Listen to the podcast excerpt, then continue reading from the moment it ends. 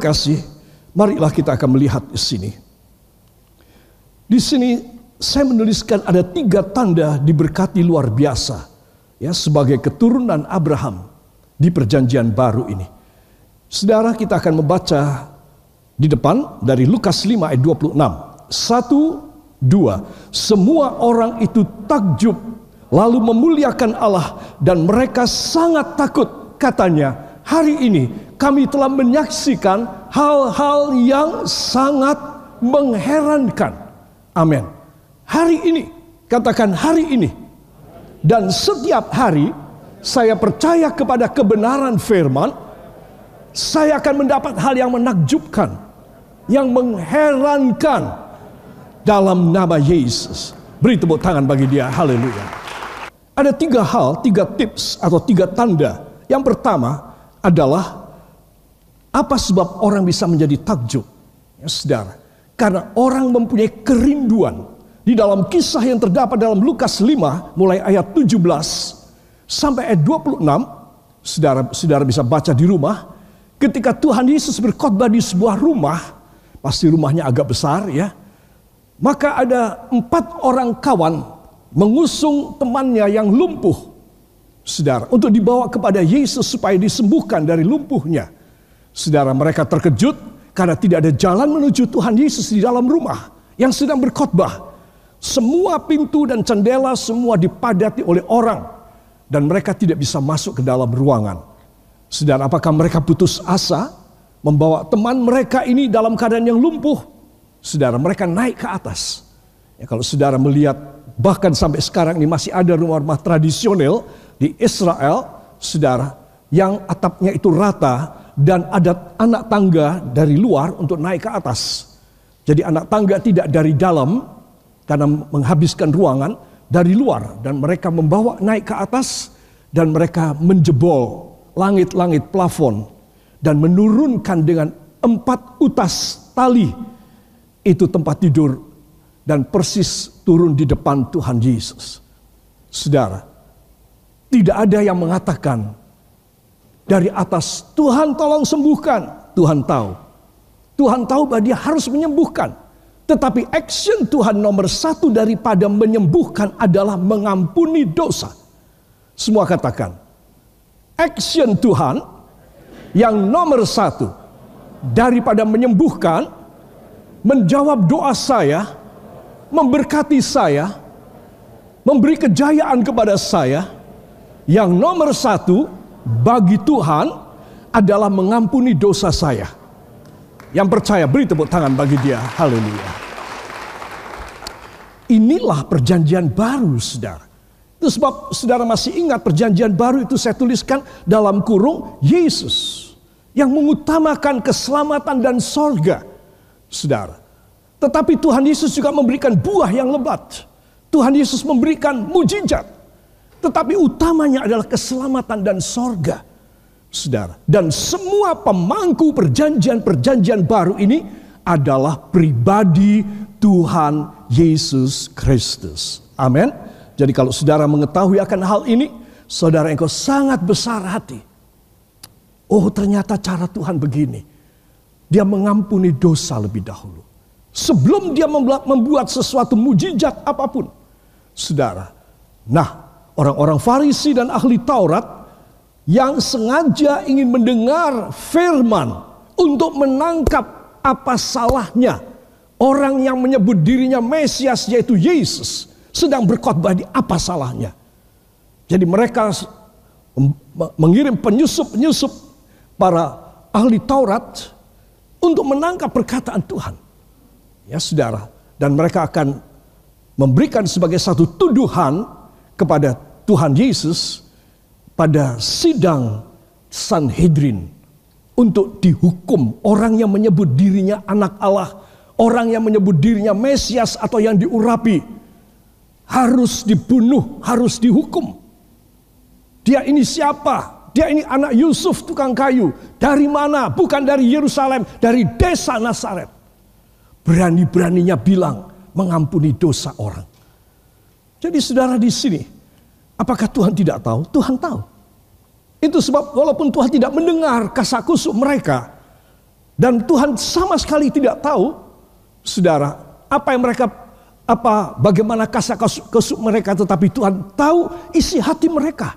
Itu sebab Tuhan di dalam khotbahnya dia berkata, menurut kalian mana lebih mudah mengatakan dosamu diampuni atau angkat tempat tidurmu dan berjalan pulang. Saudara, dua-duanya tidak ada satu orang mampu. Yang mengampuni dosa tidak ada yang bisa mampu kecuali Allah sendiri menyuruh orang lain, menyuruh orang lumpuh ini untuk bangkit berdiri dan berjalan, siapa yang mampu? Nah, Tuhan Yesus memberikan dua pilihan yang sama-sama tidak mampu, yang sama-sama mustahil. Saudara, di sini kita tahu bahwa sesungguhnya Tuhan itu ingin supaya tidak ada seorang pun dari antara kita yang menyanggah dan tidak percaya pada kuasanya yang membuat satu tanda tanya dan pertanyaan, ini orang siapa? Mampukah Yesus menolong saya? Mampukah Yesus mengubah suami saya?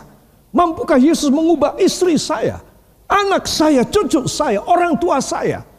Mampukah Yesus mengubah saya? Saudara, di sini Tuhan memberikan satu pelajaran yang sangat-sangat mudah dicerna. Ayo kamu pikir, lebih mudah mana mengatakan dosamu diampuni atau berdiri berjalan dan sembuh. Saudara, dan Tuhan Yesus melanjutkan orang-orang yang kasak kusuk ini. mereka semuanya diam. Dan Yesus melanjutkan, itu sebab, hai saudaraku, berdiri, angkat tilammu, berjalan pulang. Saudara, lihat Tuhan bisa melakukan dua hal. Aku ampuni dosamu dan bangkit berdiri berjalan pulang. Katakan Tuhan Yesus mampu melakukan demikian. Tangan saudara. Satu, mengampuni dosa saya. Dua, membuat mujizat buat saya. Amin. Haleluya. Jadi bila mana saudara merasa Tuhan Engkau sudah mengampuni dosa hamba. Kenapa hamba belum mendapat mujizat dari engkau Tuhan? Jawabannya adalah kurang percaya. Yesus sudah mengatakan pada pria ini, dosamu sudah diampuni. Sekarang bangkit berdiri, angkat tempat tidurmu. Orang ini bisa tidak percaya. Bisa apa tidak? Bisa. Jadi dia sudah diampuni, tapi dia tidak mendapat mujizat. Kenapa? Karena dia kurang percaya. Itu sebab kedua-duanya, katakan kedua-duanya harus ada dalam hidup saya. Pengampunan dosa dari darah Yesus. Dan iman yang tangguh. Ya, saudara. Saudara yang kekasih ini tanda pertama. Semua katakan hari ini saya rindu mengalami hal-hal yang mengherankan. Beri tepuk tangan bagi Tuhan. Haleluya. Tanda kedua, saudara, dari orang yang akan mengalami pekerjaan Allah yang luar biasa. Yang bisa dikategorikan, bisa digolongkan, bisa dikelompokkan dengan kalimat bisnis keturunan Abraham. Ya, kaya, kian kaya, sangat kaya. Saudara, ternyata apa yang disebutkan Alkitab tentang kaya, kian kaya, sangat kaya ini ternyata bukan hanya soal materi, keuangan, harta benda, tetapi juga mengenai soal rohani. Katakan harta rohani dan keselamatan hidup saya. Ya, jadi saudara mesti tahu. Nah, tanda yang kedua adalah tanda baptisan, saudara. Jadi calon para calon baptisan akan sudah ada di dalam pelukan dari keselamatan Tuhan Yesus. Katakan amin. Ya, saudara, ya. Itu sebab saudara menunggu kapan kita akan mengadakan. Markus 16 ayat 16, saudara boleh mencatat, saya sudah jelaskan pada minggu kemarin. Barang siapa yang percaya dan yang dibaptis akan diselamatkan. Saudara, bagaimana dengan mereka yang tidak dibaptis? Yang gak selamat. Jelas, ya. Analognya demikian. Jadi kalau saya dan saudara kita percaya kepada Kristus dan kita dibaptis, kita selamat. Semua katakan dengan catatan hidup benar. Amin. Ya. Ayat yang kedua dalam baptisan air adalah Galatia 3 ayat 27. Barang siapa yang dibaptis di dalam Kristus sudah mengenakan Kristus. Mengenakan. Asli ada. Ya, baju saya asli dalam. Saya mengenakan ini. Ya, jaket safari ini. Saya mengenakan jaket ini, saudara. Nah, mengenakan Kristus berarti saudara punya asli di dalam. Saya punya asli di dalam. Ditutup oleh Kristus. Dus baptisan air itu mempunyai fungsi yang dahsyat sekali. Saudara, Tuhan menjagai saudara sebagai biji matanya yang terlindung sama sekali. Amin. Mungkin saudara bertanya, katanya Tuhan melindungi, kenapa ada si atau si B atau ibu gembala yang meninggal karena COVID, saudara? Ah, itu urusan lain. Ya, katakan itu urusan Tuhan Yesus. Saudara, Tuhan itu memanen pada masa ini Tuhan panen banyak orang-orang pilihannya. Hamba-hamba Tuhan dipanen. Ya, seperti Tuhan memegang satu malaikat yang gagah perkasa dalam wahyu dikatakan memegang sabit dan dia menyabit satu kali. Sering dia menyabit dan semua yang dia sabit dia masukkan ke dalam kerajaan Allah. Nah ini semacam ini. Saudara. Tetapi iblis itu adalah imitator yang dahsyat. Dia menirukan juga. Dia juga bawa sabit. Dan dia menyabit berkali-kali. Dunia ini disabitin berkali-kali. Apa maksudnya? Dia juga mau panen jiwa-jiwa orang-orang yang murtad, orang-orang yang menolak Kristus, orang-orang yang keras kepala dan gede endase. Itu semua disabit oleh iblis dan masuk dalam neraka. Terus ini adalah saat di mana Tuhan mau panen. Kalau saya dan saudara tidak sungguh-sungguh sama Tuhan, iblis yang akan memanen saudara, bukan Tuhan.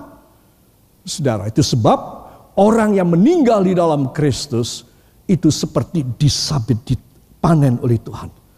Cing, masuk dalam kerajaan. Saudara. Nah di sini kita tahu bahwa dia tetap menyembuhkan. Kesembuhan yang terbesar adalah ketika orang masuk di dalam sorga. Itu kesembuhan yang tidak pura-pura. Itu kesembuhan yang bukan tipu-tipuan. Saudara, itu kesembuhan yang sama sekali orisinil. Karena Tuhan menjadikan orang yang masuk dalam kerajaannya baru sama sekali. Amin. Nanti besok kita masuk dalam sorga tidak seperti rupa kita sekarang. Semua sama. Ya, mungkin saudara mengatakan, waduh nanti kita tidak saling mengenal. Kita sudah meninggalkan sejarah duniawi kita. Kita masuk dalam kerajaan Allah seperti anak-anak raja. Amin. Jadi kalau saudara ketemu sesama di dalam sorga besok, tanya, eh kamu dulu dari Magelang apa bukan? Jangan bertanya pertanyaan yang bodoh. Saudara kan lupa, Magelang itu apa? Sudah tidak ada lagi, dunia itu sudah tidak lagi masuk dalam pikiran saudara. Saudara cuma bersuka cita di hadapan tahta hadirat Allah yang dahsyat. Saya mau tanya, siapa yang kepengen masuk sana? Angkat tangan. Saya mau tanya, atas kemauan saudara sendiri atas atau kehendak Tuhan. Ya, ya. Jadi yang angkat tangan ini harus yakin atas kehendak Tuhan. Jangan atas maunya saudara. Nanti saudara bunuh diri nanti. Masuk neraka. Itu sebab Anda dan saya harus atas kehendak Tuhan kita boleh masuk di dalam sorga. Ayat ketiga dalam baptisan air terdapat dalam Kolose 3, 12 dan 14. Saudara disebutkan orang yang dibaptis itu seperti diambil surat hutang. Setiap kita punya surat hutang. Hutang ke mana? Pada bank ABC? Tidak. Ya, tetapi kepada dosa. Semua utang dosa kita, surat-surat hutang, semua dijadikan satu dan dipaku pada tangan dan pada kaki Yesus di kayu salib. Saudara, kalau saudara membaca Kolose 3 ayat 12 14 ini dahsyat sekali. Dan di situ disebutkan Tuhan Yesus menjadikan pertunjukan kepada semua penguasa dunia. Apa pertunjukan Tuhan? Bahwa Tuhan mengampuni dosa, bahwa semua orang ini yang menolak dia tidak ada arti sama sekali di mata dia. Semua harus dihukum dalam neraka. Sebagai satu pertunjukan. Kata ayat 14. Saudara. Itu sebab saudara dan saya harus tahu. Baptisan air adalah sangat vital sekali. Dan itu sangat penting sekali. Amin. Ada orang yang bertanya kepada saya bagaimana saya sudah pernah dibaptis. Tapi ketika saya dibaptis dulu saya kurang sadar ataupun saya kurang pengertian seperti sekarang. Bolehkah kita dibaptis? Bolehkah saya dibaptis kembali? Saya memberikan satu syarat. Kalau saudara betul-betul ingin dibaptis dan dibaharui lagi sekali, no problem. Ketika di Israel, di Yardenit, di sungai Yordan, saya membaptiskan 25 orang saudara kira-kira, anggota dari rombongan kita. Sebagian ada tidak mau, eh, sebagian tidak ikut, tapi seluruhnya, hampir seluruhnya, almost all, itu semua masuk dalam baptisan air. Pasti itu yang kedua buat mereka. Tidak apa-apa. Siapa yang melarang? Saudara mau tujuh kali, no problem. Asal apa? Asal saudara bertobat sungguh-sungguh dan ingin hidup baru di dalam Kristus. Amin. Boleh saja. Jadi kalau untuk baptisan air kita yang akan datang, saudara merasa bahwa saudara sekarang semakin mau membaharui hidup saudara. Dan saudara mau masuk dalam baptisan air, saya izinkan. Saudara, apa sebab?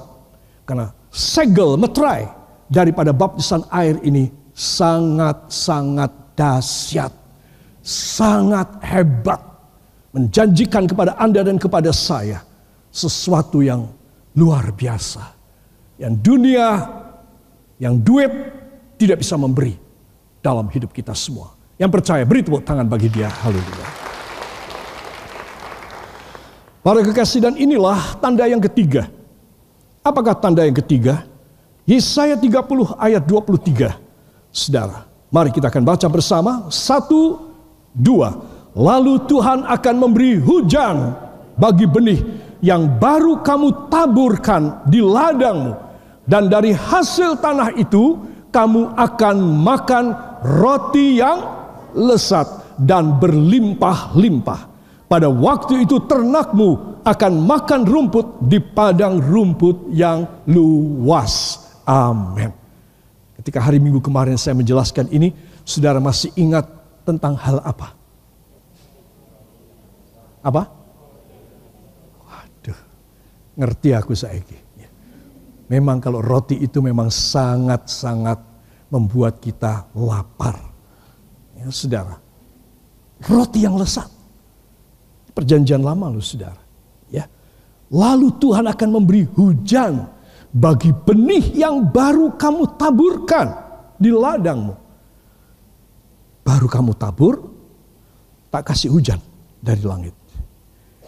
Maka hujanku yang turun, yang mengenai benihmu itu akan menghasilkan dalam tempo yang singkat. Saudara, dalam kejadian 26, saudara membaca, maka Iska menabur dan pada tahun yang sama, katakan pada tahun yang sama, Iska menuai seratus kali lipat. Bukan seratus persen, seratus persen itu dua kali lipat. Seratus kali lipat. Wow. Engkau bisa, aduh Tuhan, kok bisa seperti ini Tuhan? Engkau mempercayai hamba, engkau memberkati hamba, engkau membuka jalan, engkau membuat perkara yang besar Tuhan. Ya, aku membuat seratus kali lipat. Gak heran Iska, keturunan Abraham, diberkati luar biasa. Kenapa? Karena asal dia menabur, Tuhan turunkan shower, turunkan hujan, dan membuat benih itu segera muncul ke permukaan dan cepat berkembang, cepat berbuah, cepat matang. Saudara, sehingga apa yang terjadi? Sehingga dalam setahun SK bisa panen tiga empat kali dalam tempo setahun. Sehingga hasil setahun adalah seratus kali lipat. Hebat sekali. Apa sebab?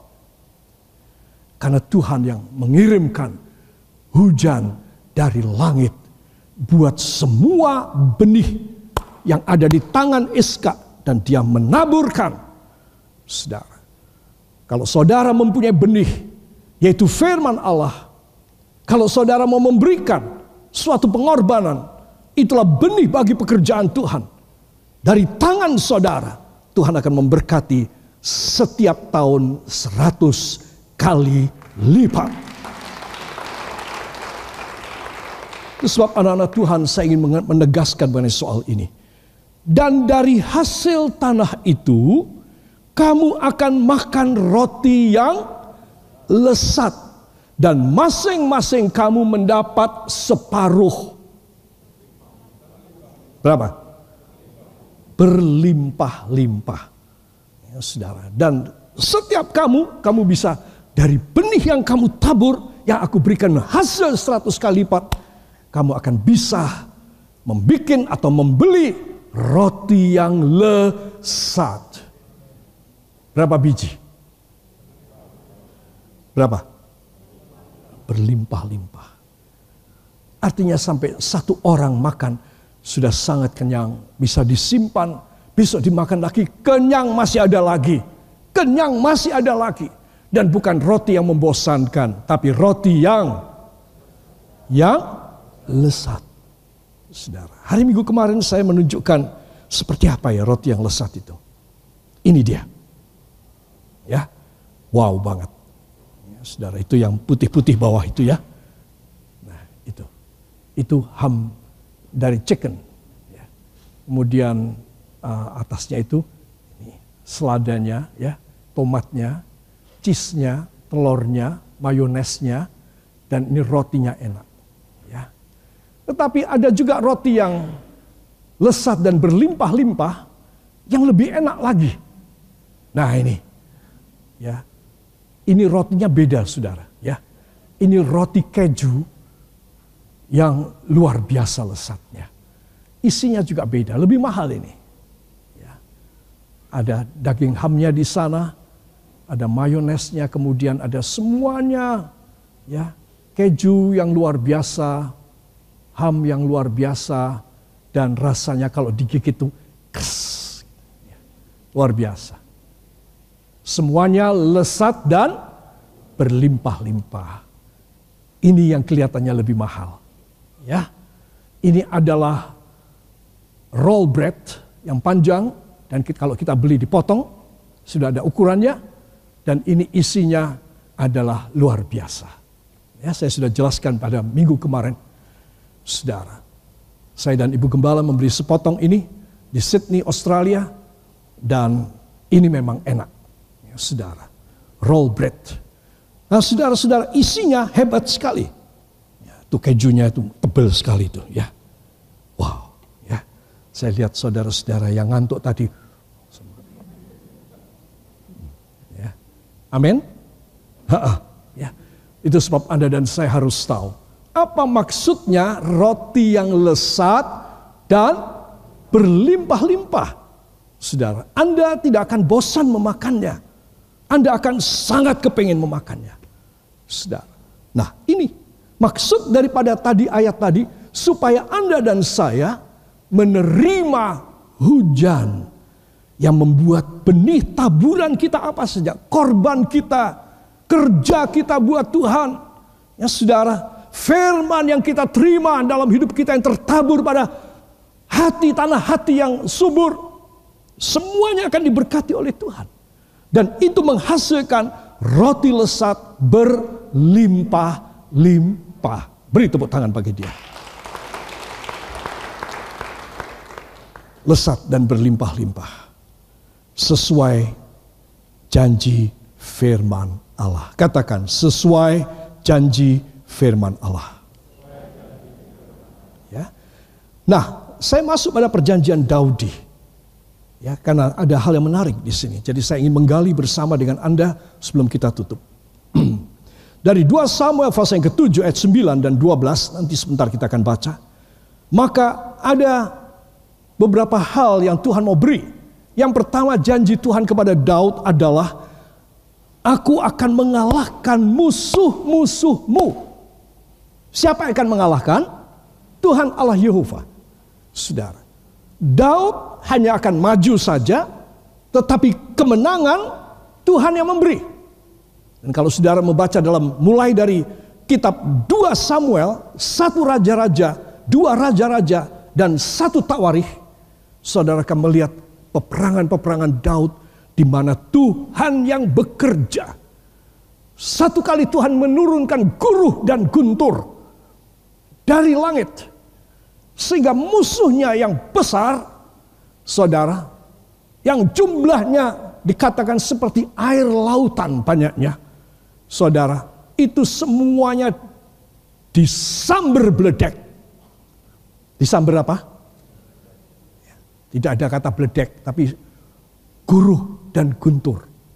Saudara. Dan orang-orang Israel dan Daud heran, kaget. Oh begini caranya Tuhan bekerja. Kita disuruh ngelihat aja. Ya, saudara. Persis seperti dalam kitab keluaran pasal yang ke-12 ayat 24. Kamu berdiam diri, aku yang bekerja, aku yang be bertempur bagi kamu.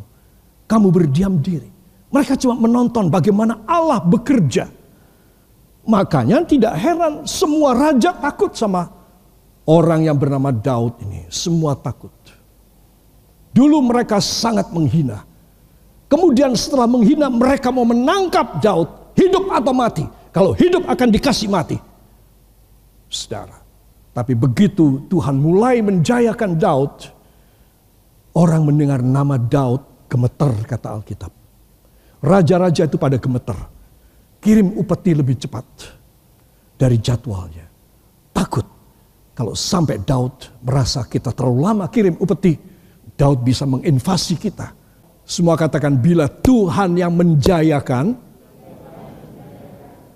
tidak ada yang bisa menghambat. Itu sebab saya harus lebih berserah. Angkat dua tangan. Saya harus lebih berserah saya harus lebih melayani dia. Sebagai anak yang melayani bapaknya, saya harus lebih dekat kepadanya.